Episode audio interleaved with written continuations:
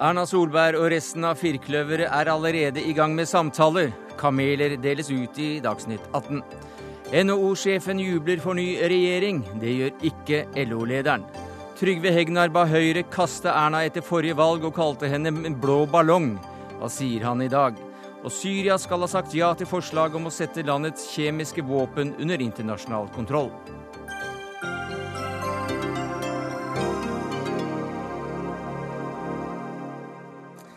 Ja, Dette er noen av sakene i dagens utgave av Dagsnytt 18, der vi eh, ikke kommer helt utenom oppstyret rundt en leppestiftkjole. Men vi begynner med noe langt viktigere, Erna Solberg. Mm. Gratulerer med valget. Takk skal du ha. Ja visst er det grådig gøyt, sa du da valget var avgjort uh, i natt. Og du, du fulgte opp med noe som uh, hadde noe med en månebedott å gjøre. Hva er det for noe? Det, var, det er jo faren når to bergensere begynner å snakke sammen sånn, selv om det er direkte live TV, så ja, det var Ole, så, Torp, det var Ole Topp, så begynner vi å finne de bergenske uttrykkene. Men det er månebedott, hva er det? Månebedotten det er et sånt bergensk uttrykk for at eh, når, når noen ting er overraskende gøy. Ja, heller. Ordene falt da under denne eh, partilederrunden etter valget i natt. Et valg som også har gitt den borgerlige siden et historisk sterkt mm. mandat. Og hvordan vil vi merke at regjeringen endrer farge? Det tror jeg vi merker ved at det blir mer valgfrihet for familiene. Det kommer til å se at vi, vi har en litt annen forhold til hvordan vi tenker at frivillighet og private kan bidra til å løse viktige oppgaver i vårt samfunn. Det offentlige har et ansvar, men frivilligheten og eh, de private aktørene kan bidra. Vi tror på mer mangfold, det gjør alle disse partiene. Vi tror på et samfunn som bygges nedenfra og opp, altså mindre sentralstyring, mer lokalstyring. mer Eh, frihet til å kunne finne ulike løsninger. Og så er det selvfølgelig en del helt konkrete politiske saker som vi har snakket om i denne valgkampen, som vi er enige om. F.eks. det å satse på å løfte kunnskapen i skolen gjennom å gi mer etter- og videreutdanning til lærere, øke respekten for lærere. Ja, det er et stort program på det. Helsekøene som skal ned. Det er mange ting vi er opptatt av. Men det er klart, noen av de spørsmålene kan du gjøre kjapt, og noen er den langsiktige stenbyggingen. F.eks. det med å gjenreise respekten mm. for læreryrket og gjøre det til et av de mest attraktive yrkene i fremtiden. Nei, for Ingenting er klart før alt er klart, sa du på pressekonferansen eh, din i dag. Men samtidig så garanterte du at flere rusomsorgsplasser skulle kjøpes inn, og det allerede innen de første 100 dagene etter at eh, dere kom i regjering. Så noe er også klart før allting er klart. Ja, for det var et konkret løfte vi ga på lørdag i innspurten av valgkampen, alle fire partier. At uansett eh, fikk vi makt, så skulle vi gjøre det. Eh, og eh, så det er avklart. Og selvfølgelig er det flere ting som er avklart fordi at vi er enige, helt enige om det. Men min lille advarsel var jo til alle de som nå skal bruke de neste eh, tre ukene på å spekulere på eh, hva vi har gitt, hva vi ikke har gitt, eh, hvordan posisjonene er og annet. Eh, det, er, det, er, ikke sånn at, at en del medieoppslag nødvendigvis kommer til å være riktige i denne, i denne runden. Fordi vi, vi vet at Eh, det er ingenting som er ferdig før alt er ferdig. Men allikevel så har jo da de fleste fått med seg at Frp virker svært bombastiske på å stramme inn innvandringspolitikken kraftig. Og eh, Venstre og Kristelig Folkeparti vil jo så absolutt ikke inn i en regjering som vil bore i Lofoten, Vesterålen og Senja. Og dette er vel etablert. Men vi har, vi har ikke hørt hva Erna Solberg absolutt ikke kan fire på. Jeg kommer jo ikke til å fire på at dette skal være en regjering som setter kunnskapssamfunnet eh, i front. Eh, det at vi skal bli smartere, ikke billigere som fremtidsløsning for Norge. Men det er alle enige Ja, eh, men det, det, er viktig for meg si at min jobb er selvfølgelig både å fokusere på hva som vi kan være enige om, og hva som er retningen. Men de store spørsmålene er faktisk det spørsmålet der. Hvordan realiserer vi kunnskapssamfunnet? Det er mange veier til målet, mange virkemidler for å få det til. Men det er etter min mening det viktigste for Fremtids-Norge. Men det er vel noe av de partiene som du skal eventuelt dele regjeringslokalet med, helt enig i at det, ja, det er et mål? Og veien der er dere ikke så uenige om? Nei, men da er det veldig viktig at et samarbeid må alltid ha som hovedprosjekt det man er mest enige om alle sammen. For det er det som kommer til å være det viktigste limet i et uh, regjeringssamarbeid. Det er de tingene man faktisk er enige om, den retningen man er enige om. Så vil det være saker hvor vi stemmer på og av, altså for og imot uh, saker hvor noen partier føler at her har vi gitt. Men så har de fått på andre områder. Og det er jo det forhandlinger dreier seg om. Eh, og her er det vanskelige saker. altså eh, Lofoten, Vesterålen, Senja, altså mm. eh, oljeboring der, er gassboring. altså Det å starte med konsekvensutredning er, er for oss en vanskelig sak å gi slipp på. For vi har ment at uh, det er riktig at denne regionen skal få ta del i oljevirksomheten. Og vi har ment at uh, det er mulig å få til en god sameksistens med mm. fiskeri. Så vi har selvfølgelig mange vanskelige punkt. Men jeg har ikke brukt mesteparten av denne valgkampen på å være eh, drive med ultimatum eller fortelle hva som er uh, umulig med andres politikk. Jeg har vært mest opptatt av hva jeg vil. Mm. Men andre har jo det for å markere seg i, i, i startfasen av en forhandlingsrunde. Og, og det er ganske lurt eh, kanskje å, å, å, låse seg til et standpunkt, for da er det veldig vanskelig å si nei til det når du er inne i det. Hva, hva synes du om den strategien?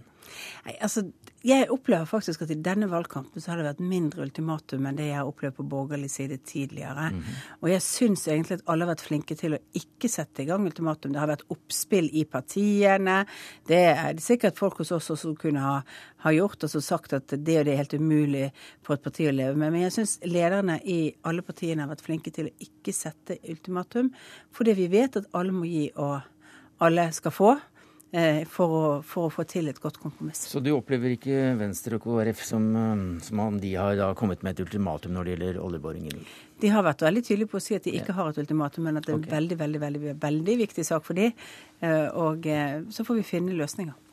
Så er dere da i gang med samtaler. Dere møttes allerede i morges. Og så har du sagt at prosessen videre nå er at partiene selv skal få lov å komme sammen innbydes innbyrdes mm. og bli enige om et slags mandat, eh, og så hva da? Så starter vi det jeg kaller en kartleggings- eller sonderingsfase. Den dreier seg om både å finne hva, hva, hvor stort er det fellesskapet som vi mener vi har, altså på de sakene som er positive, hva vi skal jobbe videre med det. Hva kan være gode saker for måte, å trekke limet sammen. Men vi må også diskutere noen av de vanskeligste sakene. For det er jo der du vil avgjøre om det egentlig er, er, er grunnlag for at alle fire vil være med på å gå inn i den sluttfasen som heter å sitte med reelle tekstforhandlinger om, om et regjeringsgrunnlag. Ja, Så dere kommer til å ta opp de virkelig vanskelige sakene tidlig? Noen av sakene må vi gjøre, for det er klart at for noen noen sånne hovedting vil være deler av den diskusjonen man har mm. tidlig, men ikke bare det. For Alternativet er jo også å starte med det alle er enige om, for å skape en enda jo, bedre miljø. Ja, vi skal også snakke om de tingene som er viktige for mm. oss og eh, som fellesprosjekt for regjeringen. Det er ofte, ofte blir det mye fokus på hva man er uenig om, men det er viktig å minne på alle de gode tingene vi faktisk er enige om.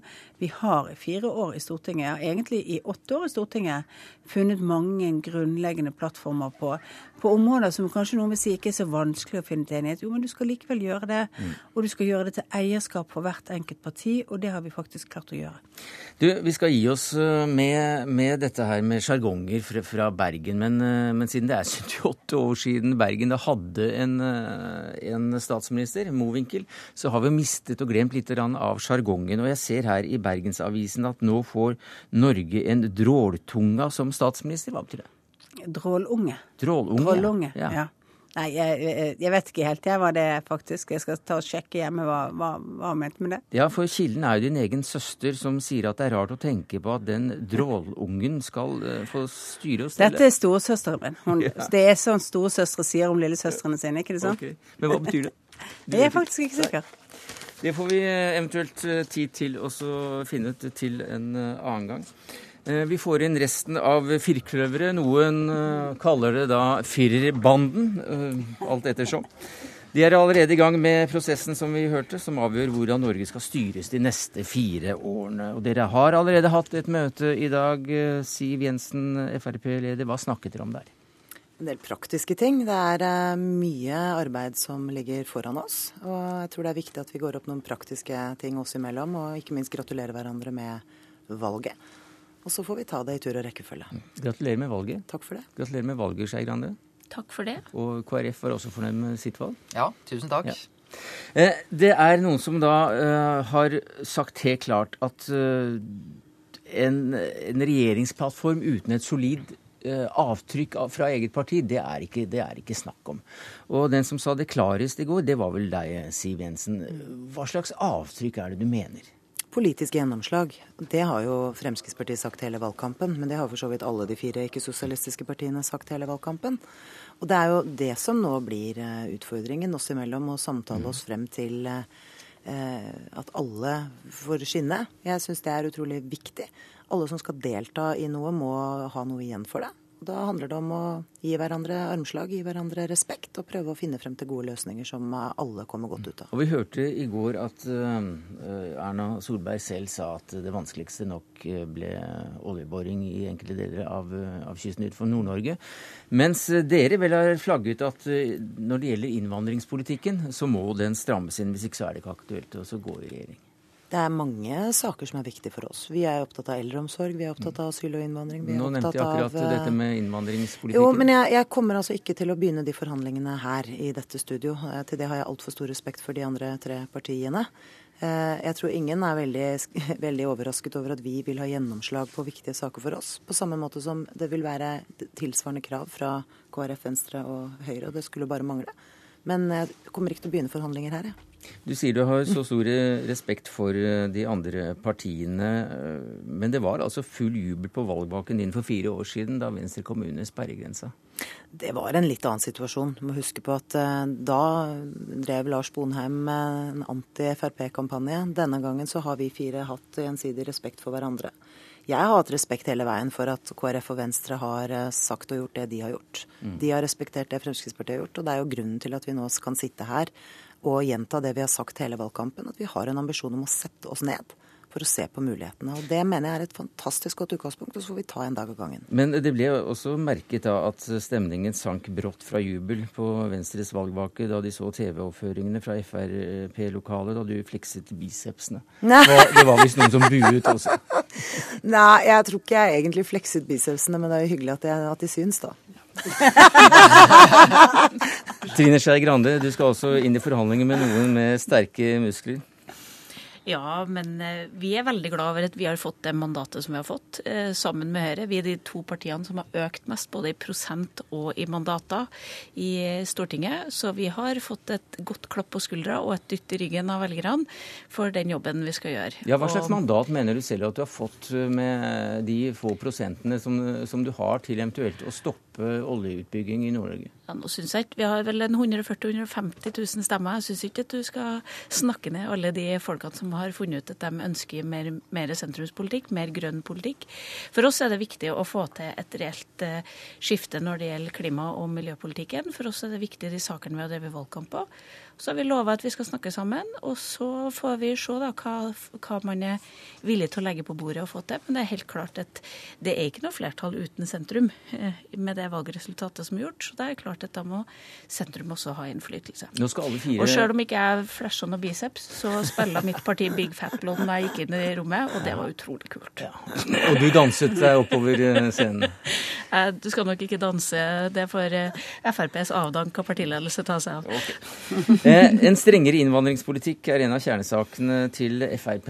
Det er vel ikke akkurat der dere møtes? Nei, det er en, klart en av de sakene som blir veldig vanskelig. Men, eh, men, vi skal høre hva som er å si i sånne forhandlinger. Men Venstre kommer til å stå, stå hardt på de standpunktene som, som, vi har hatt her. Og så får vi se hvor brytningspunktene ligger hen. Men det er en av de tingene som er vanskelig. Knut Arild Hareide, KrF-leder. Hvordan var stemningen i leiren da dere fire møttes i dag? Den var god. Jeg er litt trøtt. Eh, men eh, det har prega Vi har jo møttes før. Eh, vi har hatt en dialog det siste året. Og det har vært prega av en respekt og en god dialog. Og det tror jeg òg velgerne har sett. Ja, vi er fire forskjellige partier, men vi har respektert hverandre. Og statsministeren har snakket om at det var borgerlig kaos. Velgerne har jo sagt noe annet. De har sett at her var det et tydelig alternativ til den sittende regjering. Og jeg tror en av grunnene til at vi gjorde et så godt resultat, er nettopp at vi har hatt en politisk tydelighet, men òg vist at uh, vi sto for et alternativ til den sittende regjeringen. Men dere har ikke kommet til enighet om hvordan regjeringen skal se ut riktig ennå, da? Så Nei, og det er jo Rommet for åpenhet for kaos er vel fremdeles til stede? Eh, og det er jo det som nå gjenstår. Eh, og det er klart, vi vet at det er politiske saker som, som skiller oss. Eh, men det er òg viktig å få fram at det er politiske saker som er viktige for oss sammen. Eh, på Siv Jensens liste så har eldreomsorg stått som nummer én. Det er òg en utrolig viktig sak for KrF. Der deler Frp og KrF en tydelig ambisjon om å få gjort mye med vår eldreomsorg. Men en kar som eh, Kjell Magne Bondevik mener at du kan ha vel så mye å tjene på å være i vippeposisjon i Stortinget. Og hvordan kan det være mulig etter at, har, eh, at dere har gått åtte år rundt omkring i, i ørkenen og tørstet etter makt, hvis Stortinget kan kalles en ørken? Det blir en vanskelig oppgave å si nei til regjeringssamarbeidet etter åtte år i opposisjonen hvis dere inviteres inn. Nå er det viktig for meg, det er en stor forskjell eh, å sitte i Stortinget til ei flertallsregjering eh, enn å sitte i Stortinget til en mindretallsregjering som gjerne må ha en god dialog med nettopp sentrum. Eh, og det som vi vet, er at etter dette valget her, så har sentrum med Venstre og KrF fått en nøkkelrolle i norsk politikk. Og jeg er sikker på at Trine Skei Grande og jeg skal nettopp ta vare på den rollen på en god måte, og sikre gjennomslag for vår politikk. Ja, Hvor samordnet eh, er du og, og Hareide som sentrumspartiene her, eh, Skei Grande? Nei, men For oss er det viktig å presse politikken mot ja, det er klart, men Hvor samordnet eh, må dere da være? Snakker dere for eksempel, Snakket dere to sammen før møtet med de blå og blå-blå? Nei, Vi gjorde ikke det i dag, men jeg tror kanskje vi er sånn sjelevenner som ikke trenger alltid å snakke sammen. vi vet hvor sentrum ligger, vi vet hvilke, hva som er viktige saker for hverandre. Og vi kommer nok til å presse politikken mot sentrum. Det er vår oppgave, og det er vårt mandat fra velgerne. I går så hørte vi at Hareide nektet for at det var en slags selvmordspakt eh, mellom dere, men at dere var svært glad i hverandre allikevel. Eh, jeg syns fast følge var et veldig fast bra begrep. Ja. Jo, men det er litt mindre forpliktende, da. ja, vi liberalere liker ikke så vel Vi kan godt ha litt flytende, flytende rundt sånne ting. Ja, hva sier Nei, du til det, Hareide? Jeg tror alle ser det at Venstre og KrF er to forskjellige partier. Men i den situasjonen vi er i nå, så har vi begge to veldig mye på å holde sammen. Og vi har erfaring med å samarbeide eh, tidligere. Det vet vi har betydd veldig mye for både Venstre og KrF. Én for alle, alle for én? Og så vil dere forlate forhandlingene sammen hvis den ene bytter? Altså, Jeg opplevde Venstre under Bondevik II-regjeringa det betydde utrolig mye for KrF å ha med Venstre i denne regjeringa. De spilte en, Lars Bonheim spilte en utrolig avgjørende nøkkelrolle i Bondevik II. Mm. Og jeg tror at Venstre og KrF kommer nå til å spille en nøkkelrolle. Så er det selvfølgelig politikken som avgjør, mm. og det vil de nærmeste ukene nå avklare hvilken rolle vi spiller. Og det vil alltid være politikken som avgjør eh, politikk, i hvert fall eh, ganske ofte, Skei Grande. Men allikevel så er det jo naturlig å spørre om dere to kommer til å stå last og blast ved hverandre i, i disse forhandlingene, og da eventuelt altså utgjøre et, eh, et, en vippeposisjon hvis dere trekker dere eh, samtidig og lar de blå og blå-blå styre? Ja, nå har jeg som mål at vi skal være med å styre. Jeg, har, jeg, går ikke inn i dette med at noen andre skal sitte i regjering. Vi har gått til valg for at vi ønsker å sitte i regjering sjøl, og det er mitt utgangspunkt. Og så tror jeg at vi skal prøve å få til gode løsninger, og det er klart at veldig mange av løsningene ligger i politikkens sentrum. Eh, og den, den myndigheten og den, det forhandlingsrommet skal vi selvsagt bruke, men vi har, vi har fått et mandat, det skal vi forvalte. Mandatet handler om at vi skal snakke sammen på borgerlig side. Mm og hvilke saker. Og vi må få gjort noe med miljø, vi må få gjort noe med skole. Det er mange områder her. Noen av dem er enkle, noen av dem er vanskelige. Erna Solberg, er det, er det lett å snakke med disse tre? Ja, det er det. Eh, det betyr ikke at jeg ikke har respekt for at jeg vet at når vi kommer til halv Eh, spørsmålene. Ja, da blir det på alvor. Så, så men også, alvor, er det en grei vi har, tone? Ja, vi har en veldig grei tone. Vi har mye humor. Og eh, eh, det, er, det, er ingen, altså, det er ingen problemer med kjemien på borgerlig side. Um, Kanskje med og, maten. altså de, de, spiser sushi, disse to småpartiene, mens uh... Jeg spiser gjerne sushi, og Siv er en skikkelig habil fiskekokk, så dette går helt fint. Så det, det, det, går bra. Det, jeg tror heller ikke at det er matvanene som kommer til å være den største utfordringen. Eh, men, men, det er klart, det, det er noe med den, vi har en gjensidig respekt, og det er det viktige, tror jeg. At vi har respekt ikke bare for hverandre, men også for partiene. For For der ligger også nøkkelen til å finne de gode løsningene. Og vite at eh, eh, alle må, eh, som Siv sa, skinne. Alle må ha gjennomslag for noen av sine saker. Eh, og alle må akseptere at andre får gjennomslag på områder hvor man selv ikke er enig i det som da blir regjeringspolitikk. Men så er jeg tilbake til det limet. ligger i faktisk de sakene, og de er det ganske mange av hvor vi er enige. Hvor vi er enige om retning, hvor vi er enige om måten vi skal gjøre, jobbe i forhold til vårt samfunn på. Spørsmål om valgfrihet, spørsmål om mang, mangfold. Eh, respekten for at ikke bare offentlig sektor, men både frivilligheten og privat sektor bidrar faktisk til, til velferden i vårt samfunn. Mm. Det tror jeg på en måte er det som gjør at uh, du finner et felles prosjekt, og ikke bare, mm. ikke bare kamelsluking og, uh, og uh, gevinster hos folk, men at vi har hatt noe som er felles mellom partiene. Siv Jensen, det er jo eh, en prosess som, som, dere nå er eh, i begynnelsen eh, av, og som mm. det blir uhyre spennende å følge. Mm. Om ikke dag til dag, slik Erna Solberg vil at vi da ikke skal gjøre, så, så i hvert fall fra tid til annen, når det passer damene og herrene å si noe til, til folket. Mm. Men eh, hvis du nå ser på den prosessen, hvordan, hvordan er den? Kommer man med et ultimatum? Eller snakker man om de hyggelige tingene først, og så koser seg man innpå de, de, de vanskeligste temaene? Hvordan foregår det? Kommer du med et ark med, med dine krav, eller sier du nå skal du høre det? Jeg tror eh, vi, det er mange ting vi ganske lett kan kvittere ut oss imellom, fordi vi har gjort forarbeidet i fire år i Stortinget og blitt enige om veldig mye. Og så har vi noen veldig vanskelige saker hvor eh, Eh, vi må jobbe oss inn i substansen, inn i materien, og prøve å se om eh, hvordan vi skal løse det. Jeg erkjenner at det blir krevende, fordi vi vil ha gjennomslag, og de vil ha gjennomslag, og sånn er det. Men har vi gode prosesser, så kan vi også få gode resultater. Hva heter den neste finansministeren, Erna Solberg? Det er blant de siste tingene vi forhandler om. Det er jo som ofte sånn at politikken må ligge i bunnen, og så mm. begynner vi å snakke posisjoner og annet på det tidspunktet. Mm. Og så blir det viktig å høre hva de ulike partiene prioriterer. Men uh, du har allerede flagget at uh, antall departementer kanskje er noe høyt nå. Altså, det mener, gjør det jo enda vanskeligere da, ja. å finne Nei, altså, det er viktig. Jeg, jeg mener at, eh, at den norske offentlige strukturen hadde vært bedre hvis det hadde vært litt færre departementer. Jeg mener faktisk at det er mulig å ha flere statsråder i ett departement, hvis du bare har veldig klare og tydelige rammer rundt hva er de ulikes ansvarsoppgaver i et sånt departement. Mm. Men, men, eh, men, jeg tror jo at når du fragmenterer for mye opp, så blir det, bruker du veldig mye intern tid på, på diskusjon mellom departementene og byråkratene og for å få til politikken. Og, og noen ganger så bør man se gjennom disse grensedragningene mellom departementer. Og kanskje vi kan klare oss med, klare oss med litt færre departementer, men uh, hvis vi skal, men jeg, jeg har sagt vel hele tiden at jeg er ikke sikker på om jeg kan love at vi har færre ministre. Så da til forhandlingene. og det, Noe av det viktige er selvfølgelig hvor man skal forhandle, slik vi eh, fant ut da vi så på TV i går. og Har du funnet ut hvor, eh, hvor forhandlingene skal finne sted, eller er det bare Oddvar Stenstrøm i TV 2 som vet slik det framstår under partilederdebatten i går? Nei, det er faktisk ikke bestemt. Det er ikke bestemt. Det er ikke bestemt. Så det, det, det, er mange opsjoner. Eh, det gjelder å finne steder som både har kapasitet og passelig. og og vi også har muligheten til å holde litt kontroll på norsk presse når vi har møtene. Vi møtes eh, forhåpentligvis før eh, vi får eh, snakket med dere på utenfor Slottet.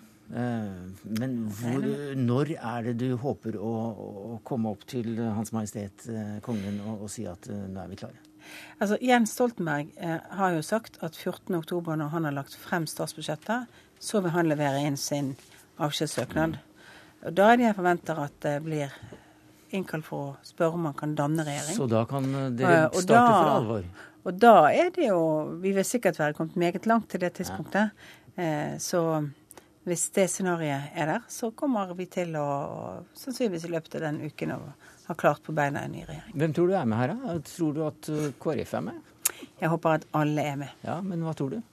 Jo, altså Jeg, jeg syns at vi har en optimistisk tone nå, så jeg tror at vi skal, kan klare det. Men um, det er nå er det tid for å se på mulighetene, ikke mm. å begynne å lure på fallgrubbene hele veien. Nei, og vi er litt opptatt av fallgrupper her, så ja. nå tror jeg at vi sier takk til dere. Tusen takk for at dere kom. Erna Solberg, partileder og statsministerkandidat. Siv Jensen, regjeringsinteressert partileder for Frp. Trine Skei Grande for Venstre og Knut Arild Hareide fra Kristelig Folkeparti. Ja, dette med de ulike ulike sjargongene og, og, og, ordene som vi nå må, må lære oss.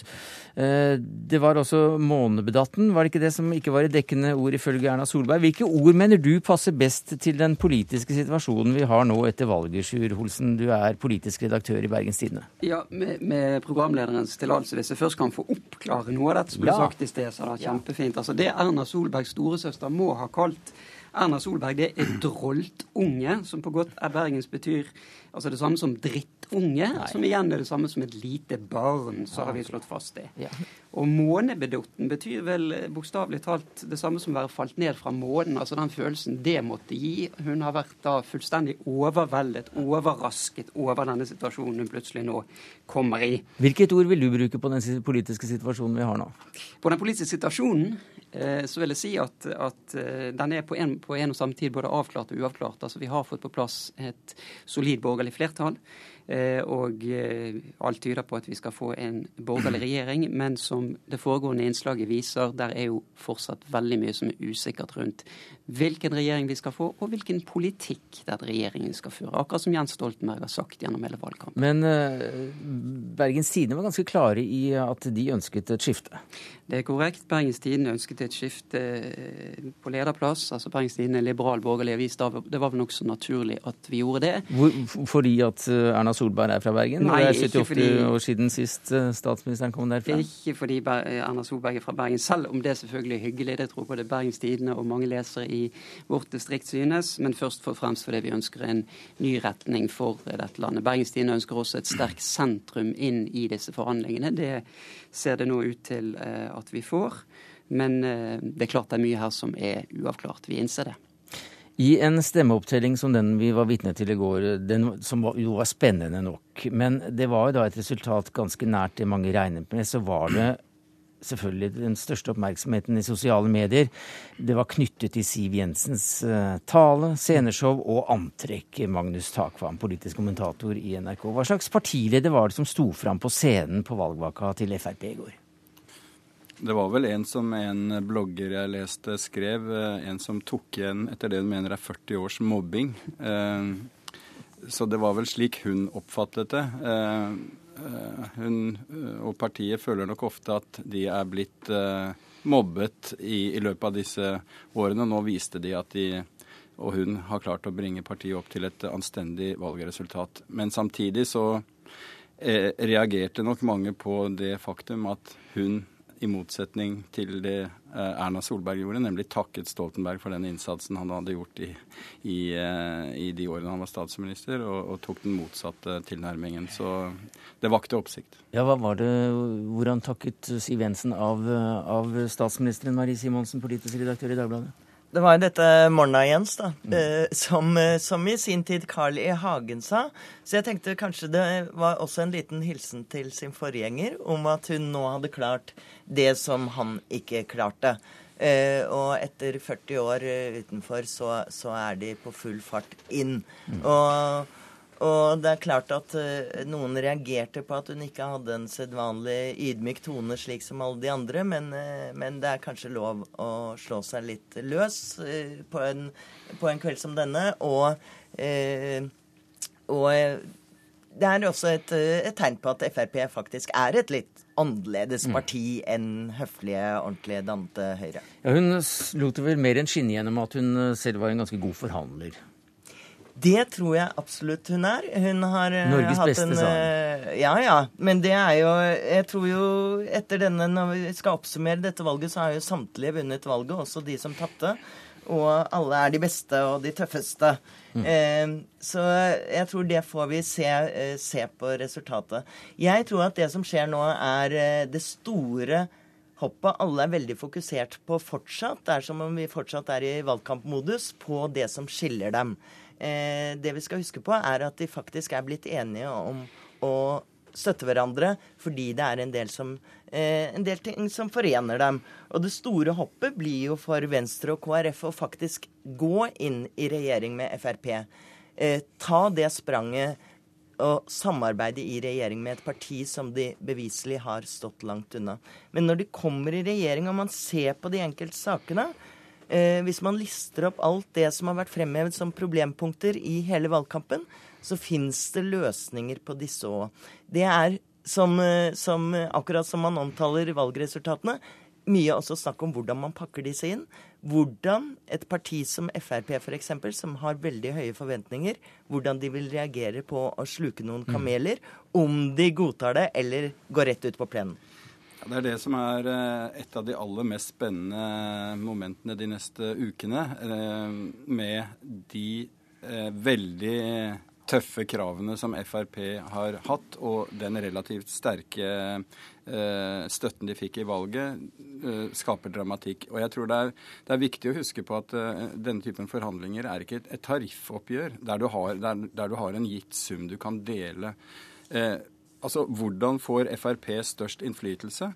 Eh, er det, er det, veldig stor innflytelse å prege f.eks. en Høyre-Frp-mindretallsregjering med stort gjennomslag i en mindretallsregjering med Høyre, og så komme til Stortinget og få veldig mange ting barbert fullstendig bort.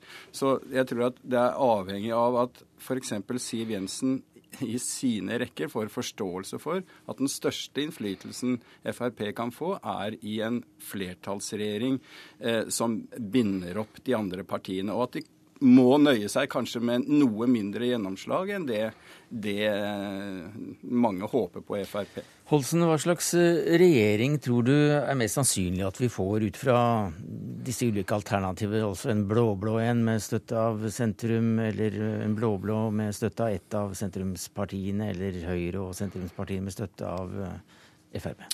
Så jeg har trodd til nå at en blå-blå regjering er mest sannsynlig. Jeg har trodd til nå at forskjellene mellom Fremskrittspartiet på den ene siden, Høyre og KrF på den andre siden er så store at eh, det til slutt viser seg ikke være mulig. Eh, men jeg er åpen for at de kanskje kan finne ut av dette. Som Marie Simonsen sier, det finnes praktiske løsninger på eh, selv de vanskelige spørsmålene hvis de viser sterk nok vilje til å finne sammen. Og når man hører på tonen mellom disse fire, nå som valget er overstått og alle virker rimelig fornøyd og de får senket skuldrene litt, vel, så tror jeg faktisk at det kan være mulig med en firepartiregjering. Ja, hvilke partier tror du sitter rundt kongens bord den 18. oktober, Marie Simonsen? Jeg tror det er en veldig stor sjanse for at det er alle fire. Ja.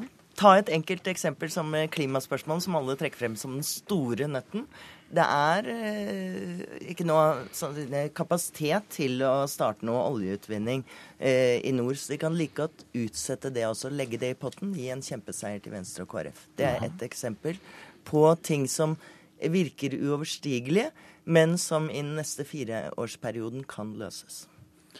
Ja, så jeg, Hvis alt dreide seg om Lofoten eller ikke, så tror jeg det hadde vært løst relativt fort. Men jeg tror, og jeg er også Ingen vet hvordan dette ender. Jeg tror den måten de kommuniserer på, eh, etter hvert skaper eh, skal vi si, eh, en fallhøyde for dem selv også. At det å da ikke klare en flertallsregjering vil, vil etter hvert framstå som et nederlag for, for dem. Og vi skal huske på at selv om sentrumspartiene her fikk relativt eh, mindre styrke enn Frp, så har de denne vippeposisjonen, eh, enten ett av dem eller begge to.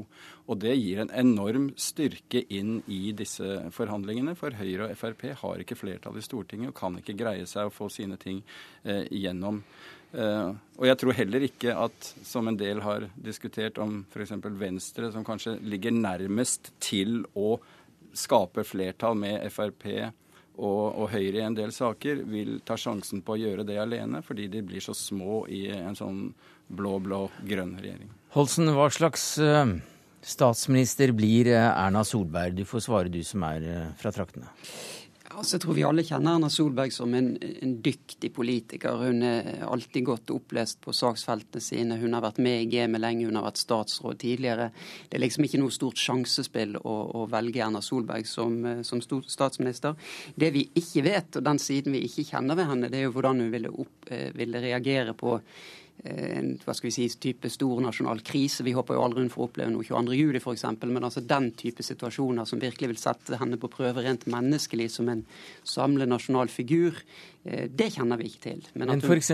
alenegang eh, blant regjeringspartiene som går ut og, flagger fanesaker eller demonstrerer foran Stortinget etc. Hvordan vil hun ta slike ting? Hun kan være meget bestemt når hun må være det. Hun er en diplomat, og en, en, det hører vi jo i, i forrige innslag også. altså Hun er villig til å til å, til å, strekke seg. Hun har den diplomatiske tonen, men hun kan også være meget bestemt når hun vil sette foten ned. Ehm, frykten for, eh, for, kaos eh, er altså betydelig overdrevet, slik eh, jeg leser alle tre kommentatorene her i Dagsnytt 18. Men Marie Simonsen, hvordan tror du at vi raskest vil merke at vi har fått en borgerlig regjering? Vil raskt gjøre noen, eh, noen symbolmarkeringer, bl.a. når det gjelder privatisering, bruk av private helsetjenester for å korte ned helsekøen. Eh, de har sagt de skal kutte arveavgiften eh, raskt.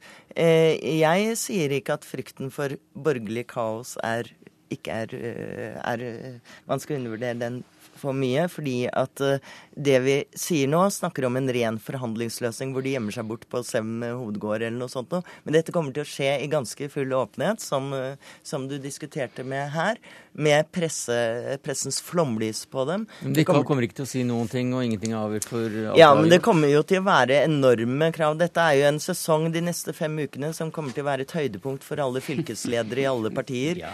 Og vi kommer til å intervjue dem alle, så dette, skal, dette kommer til å skje under sterkt mm. press. Dette ser vi fram til, Magnus Takvam. Ja, det gjør vi. Det blir gøy for journalistene nå.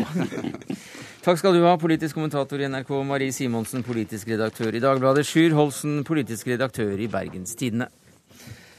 Mens eh, noen frykter altså dette som eh, nå skjer, så har andre svært store forventninger til det borgerlige samarbeidet. NHO håper på mindre offentlig forbruk og mer investering i fremtidig vekst. LO vil kjempe mot skattekutt, privatisering og konkurranseutsetting. Og Vi skal snart eh, snakke med både NHO-sjefen og LO-lederen, men først eh, til deg, Trygve Hegnar. Hva forventer du deg nå først av Erna Solbergs nye regjering? Ja, Hvis vi ser på skole og forskning og helse og samferdsel, så er det ganske langsiktige perspektiver. Mm. Så jeg tror at næringslivet, hvis jeg skal snakke for næringslivet, så så er det egentlig to ting med helt forskjellig eh, inngangsvinkel. og Det ene er det at eh, mange vil ha en eh, endring av arbeidsmiljøloven. At, og de er ganske raskt i konflikt med LO, vil jeg tippe. Hvor de vil ha litt mer fleksible ordninger, litt mer deltid og ikke så mye heltid. Og, altså litt på kollisjonskurs med det som da har vært forfektet i, i, i, valgkampen. Der tror jeg de kommer til ganske raskt å få et krav fra næringslivet, alle ledende politikere, at der vil vi se endringer. Jo, det er helt konkret. Eh, og så har du en helt annen innfallsvinkel som jeg synes er ganske interessant. Jeg har snakket med en del, og de sier at uh, regjeringen må bruke penger. Og da har det vært en diskusjon om handlingsregelen og mye og lite penger. Men de sier at regjeringen må bruke penger på, sy på, på synbare ting. Altså De må se at det skjer noe, og at eh, Erna Solberg må vise at hun på en måte kan utføre beslutninger, ta, ta, tak i latt, og så gjøre noe med det. Og... Ikke en triumfbue eller noe slikt? Nei, men eh, at du må gjøre ting hvor man ser resultatene. Altså, det er ikke bare å si at vi skal være liksom, sikre Norges fremtid i forskning og utvikling av skole. Men mange ønsker å se der resultatet på en eller annen måte ganske tidlig. Mm. Og, da, og, da, sier og jeg ble litt overrasket, jeg snakket med folk, men da må de bruke penger. Og tenker jeg, bruke penger, det er jo inflasjon og fare og kronekurs og alt som Jens Stoltenberg snakket om. Men nei, de sier at bare hun må vise nå at hun har Norge, altså tidenes beste økonomi bak seg. Kan bruke så, så, mye penger man nesten vil, i prinsippet. Det er ikke sant. Men, eh, og må bruke, hun må bruke den på slik måte at folk ser det. Og da, hvis den gjør det, så er da valget i 2017 klart. Men eh, er det begeistring å spore? Du har snakket med en god del av kollegaene dine i dag. Ja, Altså, Begeistringen er stor. Nå var det forventet, altså det var diskontert at det ville bli et skifte. Men jeg vil si at Det er mulig at min omgangskrets er litt spesiell, men, men, men begeistring var det stort. For at nå ville man ha et skifte. Og, men så klarer man ikke å si hva skiftet egentlig vil føre til. Altså Hva er de konkrete ting som gjør det, den store forskjellen. Men det er stor mm. begeistring, og man håper på Erna Solberg. Og så er det, var inne på det forrige innslaget.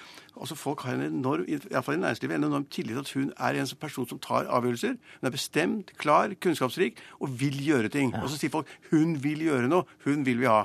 Og du er så begeistret som du ikke har hørt deg har vært eh, på vegne av henne i det hele tatt. For eh, i 2008 så, så mente du at hun bare var en blå ballong. Ja, tidene endrer seg. Og ville ha henne bort fortest mulig. Ja, men altså... Å ha henne som leder vil være som om Rosenborg taper 20-0 i hver eneste kamp. Ja, altså Det er jo slik da at uh, Høyre var jo inne i voldsom den bølgedal på den verste gallupen. Tok du feil, da? Så var det på 10 ja, Det er rett å si etterpå når du har fasiten. Ja. At du har klart å snu det, er fenomenalt. Ja. Ja. Men altså, da partiet hadde 10% av velgerne bak seg, så er det ikke noe rart at man diskuterte om hun da på en måte representerte det partiet trengte. Så jeg synes at jeg tok feil da. å, gjøre, å gjøre det noe særlig dårligere enn henne er ikke mulig. Nei, 2008. Partiet var på 10% det, er, det var ikke mye å skryte av. Tiden endrer, hun, jeg mener at hun har, hun har, bevist at hun på en måte kan, har en stayerevne, kan stå på. Og så er hun faktisk flink. Store kunnskaper. Hun vil bruke dem. Hva er det du ser mest fram til med en ny regjering, Geir Kristiansen? Du er leder av LO. Nei, altså Vi er jo skuffa over resultatet, det trenger vi ikke å stikke under en stol. Men uh, vi ser fram til et konstruktivt samarbeid med den uh, nye regjeringa. Uansett hvordan den blir seende ut. Uh, og vi forventer at den nye regjeringa tar LO på alvor. Eh, vi er den mest representative arbeidstakerorganisasjonen. Vi organiserer over halvparten av de som er organisert i dette landet. Så det, det skulle bare mangle. De, jeg håper at de viderefører trepartssamarbeidet som vi har hatt. Eh, men det er klart, vi skal ivareta 900 000 medlemmer. Politikken vår ligger fast. Den er det ikke opp til meg å endre. Jeg leser en bekymring. Ja, jeg har jo forventninger i forhold til Erna Solberg, spesielt nå når de går inn og skal forhandle denne regjeringsplattformen. Og litt til det Hegnar snakker om, dette med bruk av penger. Eh, vi har jo hørt i valgkampen at Frp har vært veldig på å utfordre de andre på handlingsregelen. Og det å sette økonom, økonomien vår i spill, det er klart det bekymrer LO. Mm. Det handler om arbeidsplasser, eh, men det handler også om enkeltmenneskets økonomi hvis at vi får ei overoppheting av eh, økonomien. Og Det er det fare for med denne eventuelt nye regjeringen i en eller annen form. Kristin Skogen Lund, du er administrerende direktør og er mer positivt innstilt. Ja, det er vi. fordi vi, vi, har jo sett at de borgerlige matcher bedre enn det vi ser som næringslivets behov fremover. Så vi har jo vært positive til et eh, regjeringsskifte. Eh, jeg syns de virker eh, godt samsnakket. Jeg tror de er godt forberedt. Jeg er enig i at Erna Solberg nok vil være meget styringsdyktig. Hun har stått gjennom både motgang og medgang. og er en pragmatisk og klok eh, politiker, så dette tror jeg skal gå riktig bra. Og en oppmykning av arbeidsmiljøloven er noe dere forventer vil komme på plass ganske raskt?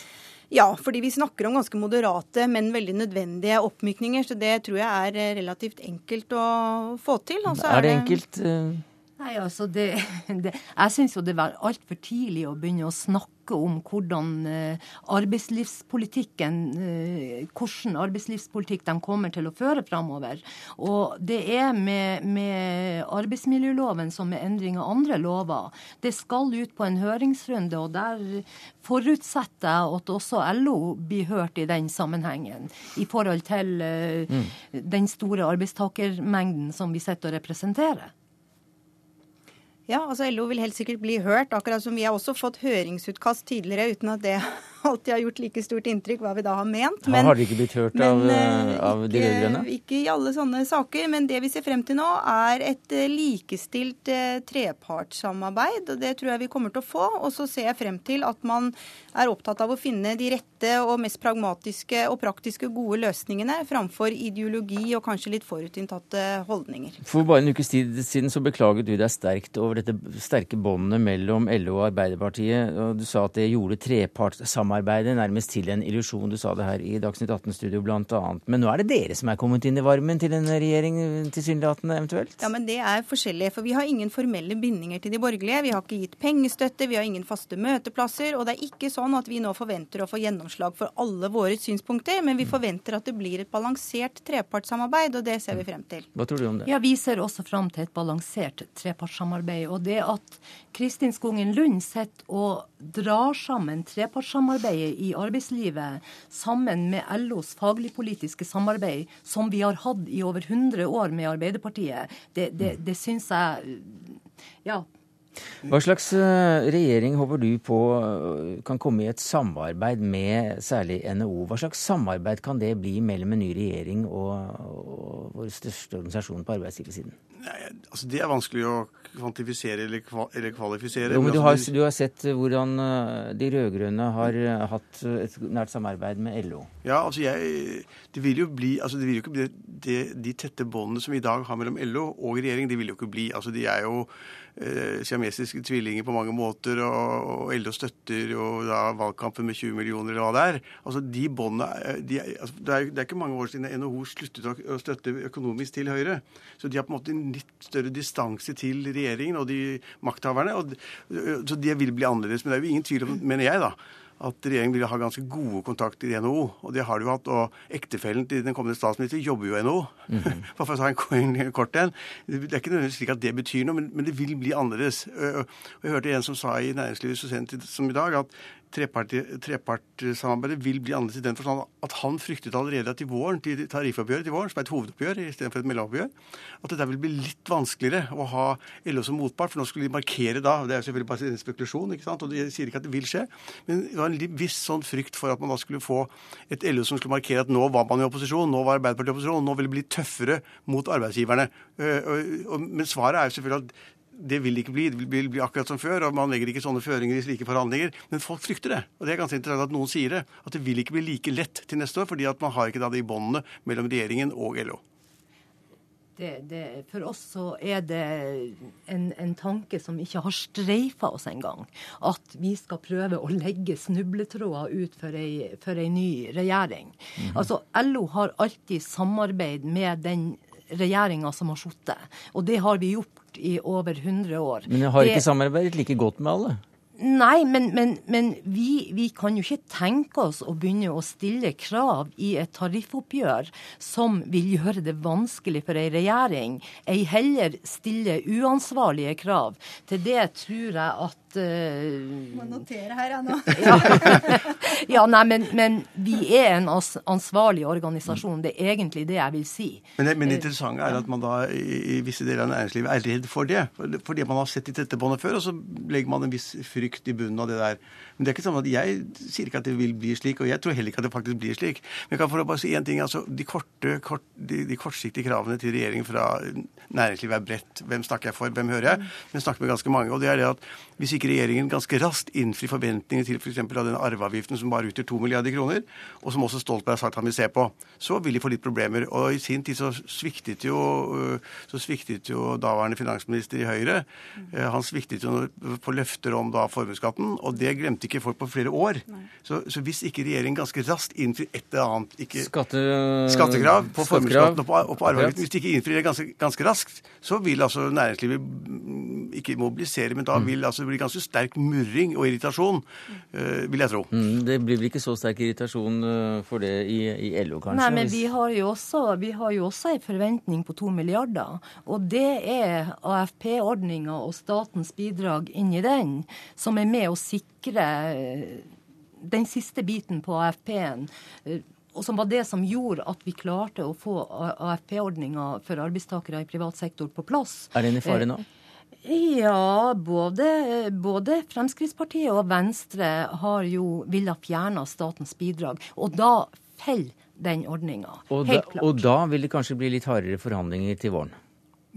Det er mulig. Altså, folk frykter at det kan bli det. Det gjenstår å se. Altså, vi, lever nesten i en sånn uh, perfekt verden i Norge hvor NHO og LO og regjeringen er sånn, jobber tett sammen, kjenner hverandre, gjør, lager gode løsninger. Det har vært veldig bra frem til nå. Men uh, jeg bare sier at uh, visse kretser og kanskje enkeltpersoner frykter at det kan bli litt annerledes, og da kan det bli litt tøffere kår. Jeg, jeg tror faktisk at man skal ikke Det er ikke, det er ikke bare sånn glansbilde i Norge. Jeg tror at faktisk at konfliktene kan bli litt større og litt raskere, for de har fått en annen regjering nå i relasjon til LO. Det skulle bare mangle. Altså LO ønsket jo en helt annen regjering, og nå får de en annen motpart. Og da vil frontene bli litt annerledes. Jeg sier ikke dramatisk, men litt annerledes. Det må man innrømme.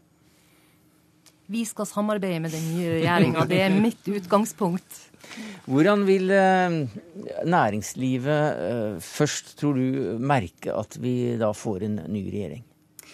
Jeg håper jo at vi tidlig eh, ser noen, eh, noen, ting. Er det skattelettene som Ja. Fjerning av formuesskatt, eh, i hvert fall delvis, etter Høyres modell, og arveavgiften. Og så tror jeg vi har en stor utfordring med selskapsskatten. Det er Helt uavhengig av regjeringsskiftet. Når alle land rundt oss senker selskapsskatten, så vil det sette et press på vårt skattenivå også. Det hadde vært en nøtt for enhver regjering. Eh, jeg tror som sagt vi kommer til å se noe rundt arbeidslivspolitikken. Det tror jeg er noen av de tingene vi vil se ganske, ganske raske resultater på. Eh, hva med eh, regjeringskonstellasjoner også? Har NHO tenkt på at kanskje er det lurt med blå-blå med støtte fra sentrumspartiene?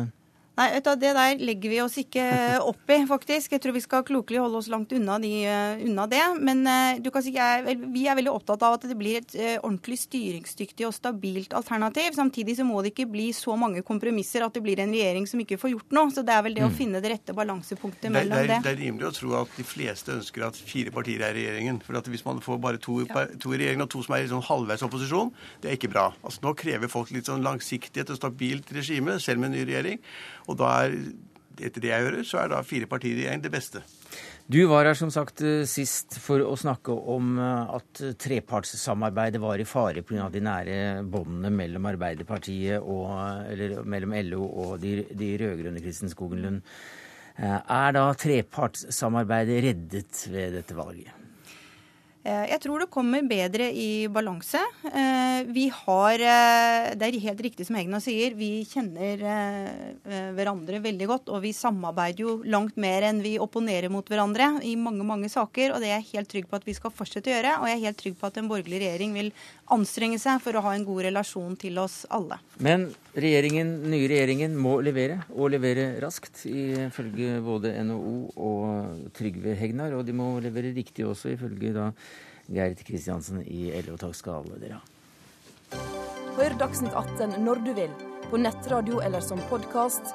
nrk.no – dagsnytt 18. Det er bevegelse i Syria-spørsmålet. Russland foreslår at alle kjemiske våpen i landet settes under internasjonal kontroll, og i dag så melder også et russisk nyhetsbyrå at Syria faktisk godtar dette russiske forslaget. USA-korrespondent eh, Gro Holm, hva har det amerikanske myndigheter sagt om Syria-spørsmålet i dag? Ja, det er særlig to som har kommentert det, og det skjedde i eh, forsvars... Unnskyld, i Representantenes hus sin forsvarskomité. Det er utenriksminister John Kerry og forsvarsminister Chuck Hagel. Og Hagel sier at alle håper jo nå at uh, dette initiativet vil være, vise seg å være en virkelig løsning. Men for å lykkes så må trusselen om et troverdig amerikansk angrep fortsette. Kerry sier at han, uh, dette ikke må være noe forsøk på uttaling, på å utsette eller forsinke prosessen. Det må være genuint, dette forslaget, uh, og det må være målbart. Og Han sier også at hvis Sikkerhetsrådet ønsker å spille en rolle her, og det er jo krefter som forsøker å uh, ta initiativ i Sikkerhetsrådet allerede i dag, så må det ikke opptre som et debattforum. Cecilie Hellesveit, du er forsker ved International Law and Policy Institute. Eh, hva skal dette forslaget da reelt innebære? Altså, hvordan tenker man seg det rent praktisk? Nei, nå er det jo veldig tidlig. Men jeg tror eh, alle aktører i Syria ser ut til å være veldig lettet over at man nå har fått et alternativ til militær intervensjon. I hvert fall de aller fleste. Eh, det har kommet eh, signaler fra Kina, fra, fra Russland, fra Frankrike osv. Alle de viktige aktørene i Sikkerhetsrådet ser ut til å være om bord i forhold til en FN-prosess. Og Det vil da være en FN-resolusjon antageligvis som pålegger Syria å eh, for det første få internasjonal monitorering monitorering av de kjemiske våpnene, men antageligvis da med endestasjon destruksjon -hmm. av de kjemiske våpnene. Så i praksis en skal vi si, eh, avvæpning av Syria i forhold til kjemiske våpen. i Men, men du kjenner jo dette området og Syria svært godt. Er det mulig? Det er nok antageligvis mulig i dag, eh, fordi at de kjemiske våpnene i Syria, de har Syria eh, ikke fordi man ønsket å bruke det mot eh, syrere, men fordi Syria har ligget i formell krig med Israel i mange år. Og Syria har alltid hatt kjemiske våpen som en avskrekkelse mot Israels atomvåpen. Det er jo en annen konflikt enn den som utspiller seg i dag, men de siste ti årene så er det da Iran som først og fremst har hatt nytte av disse kjemiske våpnene som en slags buffer mot et angrep angrep fra Israel på Iran. Så dette er på en måte litt på siden av den borgerkrigen som utspiller seg i Syria. Men Vetomaktene i Sikkerhetsrådet de deler flere interesser i Syria. Blant annet deler de interessen om å fjerne de kjemiske våpnene fra Syria fordi, altså for det første, generelt sett er kjemiske våpen fattige manns masseødeleggelsesvåpen. Og det ønsker ikke militære stater at skal på en måte være så mye av der ute. Men for det andre, og det er veldig prekært i Syria, så er kjemiske våpen det som er lettest for ikke-statlige grupper å benytte mm. seg av. Og det har vi jo sett tendenser til eh, det siste året særlig. Og eh, her er det nå slik at vi er, går fra noe som de siste to ukene har vært fare for veldig eskalering av Syria og en regionalisering av konflikten, til noe som ser ut til å være en kontrollert prosess innenfor Sikkerhetsrådet, hvor de fleste eh, stater faktisk har felles interesser. Og det er klart, For hele dynamikken i krigen i Syria så er det en ganske mm. betydelig forbedring, faktisk. Men samtidig så pågår det da en prosess eh, i Kongressen om å gi Obama det mandatet han mener han trenger for eventuelt å gå til angrep. Går denne prosessen Eh, uavhengig av det som skjer nå? Nei, det gjør den absolutt ikke. Og det er jo noe av problemet her. At Kongressen sitter jo og ser på de nyhetene som alle andre gjør over hele verden. Og de føler vel en viss maktesløshet. Eh, er det virkelig slik at de for fullt alvor skal gå inn og stemme over resolusjoner som gir presidenten fullmakt til å angripe Syria? Eller skal man vente til å se uh, hvor langt man kan komme det diplomatiske sporet. Uh, nå ligger jo da under som en si, grunnleggende erkjennelse i hele det amerikanske politiske miljøet at her er det et flertall av befolkningen som er imot angrep, selv med et kongress ja til angrep. Uh, og mange av de som sitter i Kongressen, skal gjenvelges allerede neste år, og de er følsomme for hva velgerne mener. Så, og det er jo en tverrpolitisk et tver, et tverrpolitisk flertall blant de som har bestemt seg mot å angripe Syria. Eh, det er ingen som er i tvil om, eller som tror at ikke Assad har brukt kjemiske våpen, men det er altså ikke det som avgjør saken nå. Og Da blir det jo viktig hva som skjer også med dette diplomatiske initiativet i Sikkerhetsrådet. Eh, I dag det diskuteres jo en resolusjonstekst Frankrike, Storbritannia og USA. Eh, men der vil franskmennene ha inn mer om mer av typen, at dette er en straff som slår fast at Assad har brukt kjemiske våpen, og også innebærer muligens noe straff hvis han ikke mm. etterkommer eh, dette, denne planen om å kontrollere syriske våpen. Og det vil selvfølgelig ikke Russland gå med på. De vil ha minst minst mulig om straff og minst mulig plassering av ansvar. Eh, så får vi se. Obama skal holde en tale til folket klokka ni i kveld, eh, klokka tre norsk tid i natt. Eh, hvordan han skal prøve å forene disse to sporene. Nemlig det som går på fullmakt for fullmakt til å angripe i Kongressen, som de sier må fortsette fordi at trusselen skal være troverdig, og det diplomatiske. Cecilie Hellestveit, er vi nå fjernere fra en, en klar amerikansk eh, intervensjon, en eh, militær operasjon, krig, eller hva du vil kalle det, i Syria, etter dette initiativet fra Russland? Ja, det tror jeg er ganske klart. Det har i hvert fall blitt en betydelig utsettelse. Eh, men det er klart, dette her er også med på å føre hele prosessen over i et politisk spor, over i Sikkerhetsrådets hender, eh, om man vil. Og nå er jo da spørsmålet om Sikkerhetsrådet selv klarer å bli enige om hva som skal være betingelsene her. Fordi det er viktig å være klar over at hvis man får en sikkerhetsrådsresolusjon som krever at Syria skal avvæpne sine kjemiske våpen, så ligger det i det også en aksept av at syriske myndigheter i dag, jo, det er Assad-regimet. Og når Sikkerhetsrådet går inn i en formell prosess med Assad-regimet, så er det allerede mange aktører, det er regionale land og andre, som har investert mye i Syriakrigen, som i praksis taper mm. eh, mye. Så det er mye politikk også inni selve den eh, prosessen i Sikkerhetsrådet. Men eh, den rene formen her, Gro Holm, altså, vi har jo da sett Obama ikke møter Putin, og Putin tar en kald skulder tilbake. Men nå virker det også som om Putin i hvert fall foreløpig får en gedigen uh, diplomatisk seier. Ja, Det er klart han gjør hvis dette initiativet kommer i mål. Og Obama innrømmet jo også i intervjuer i går kveld at han man hadde diskutert denne typen ideer i, i møtet i St. Petersburg, så det var ikke helt nytt. Man har vært inne på tanken. Uh, og det blir jo da, hvis dette, i, hvis dette, fører til noe, så blir det jo på et vis uh, Putin og Lavrov som har reddet Obama ut av en fryktelig vanskelig situasjon, innenrikspolitisk kanskje den vanskeligste han noen gang har vært oppe i. Takk skal du ha, Gro Holm fra USA og Washington. Cecilie Hellesveit, helt kort til slutt. Tror du at dette faktisk blir noe av? Jeg tror at eh, det har vært stemning for forhandlinger i en del måneder. måtene er nå i Midtøsten. Og jeg Mm. tror at denne, denne saken med de kjemiske våpnene har vært vanskelig, men nå tror jeg at eh, vi ser forhandlinger i månedene som kommer. Obama taler altså til eh, folket i natt klokka 03 norsk tid. Vi taler ikke med til eh, noen her i Dagsnytt 18-studio, som er eh, stengt for i dag. Cecilie Hellestveit, takk skal du ha. Ansvarlig for sendinga var Siri Storstein Hytten. Det tekniske ansvaret hadde Karl Johan Rimstad. Jeg heter Sverre Tom Radøy.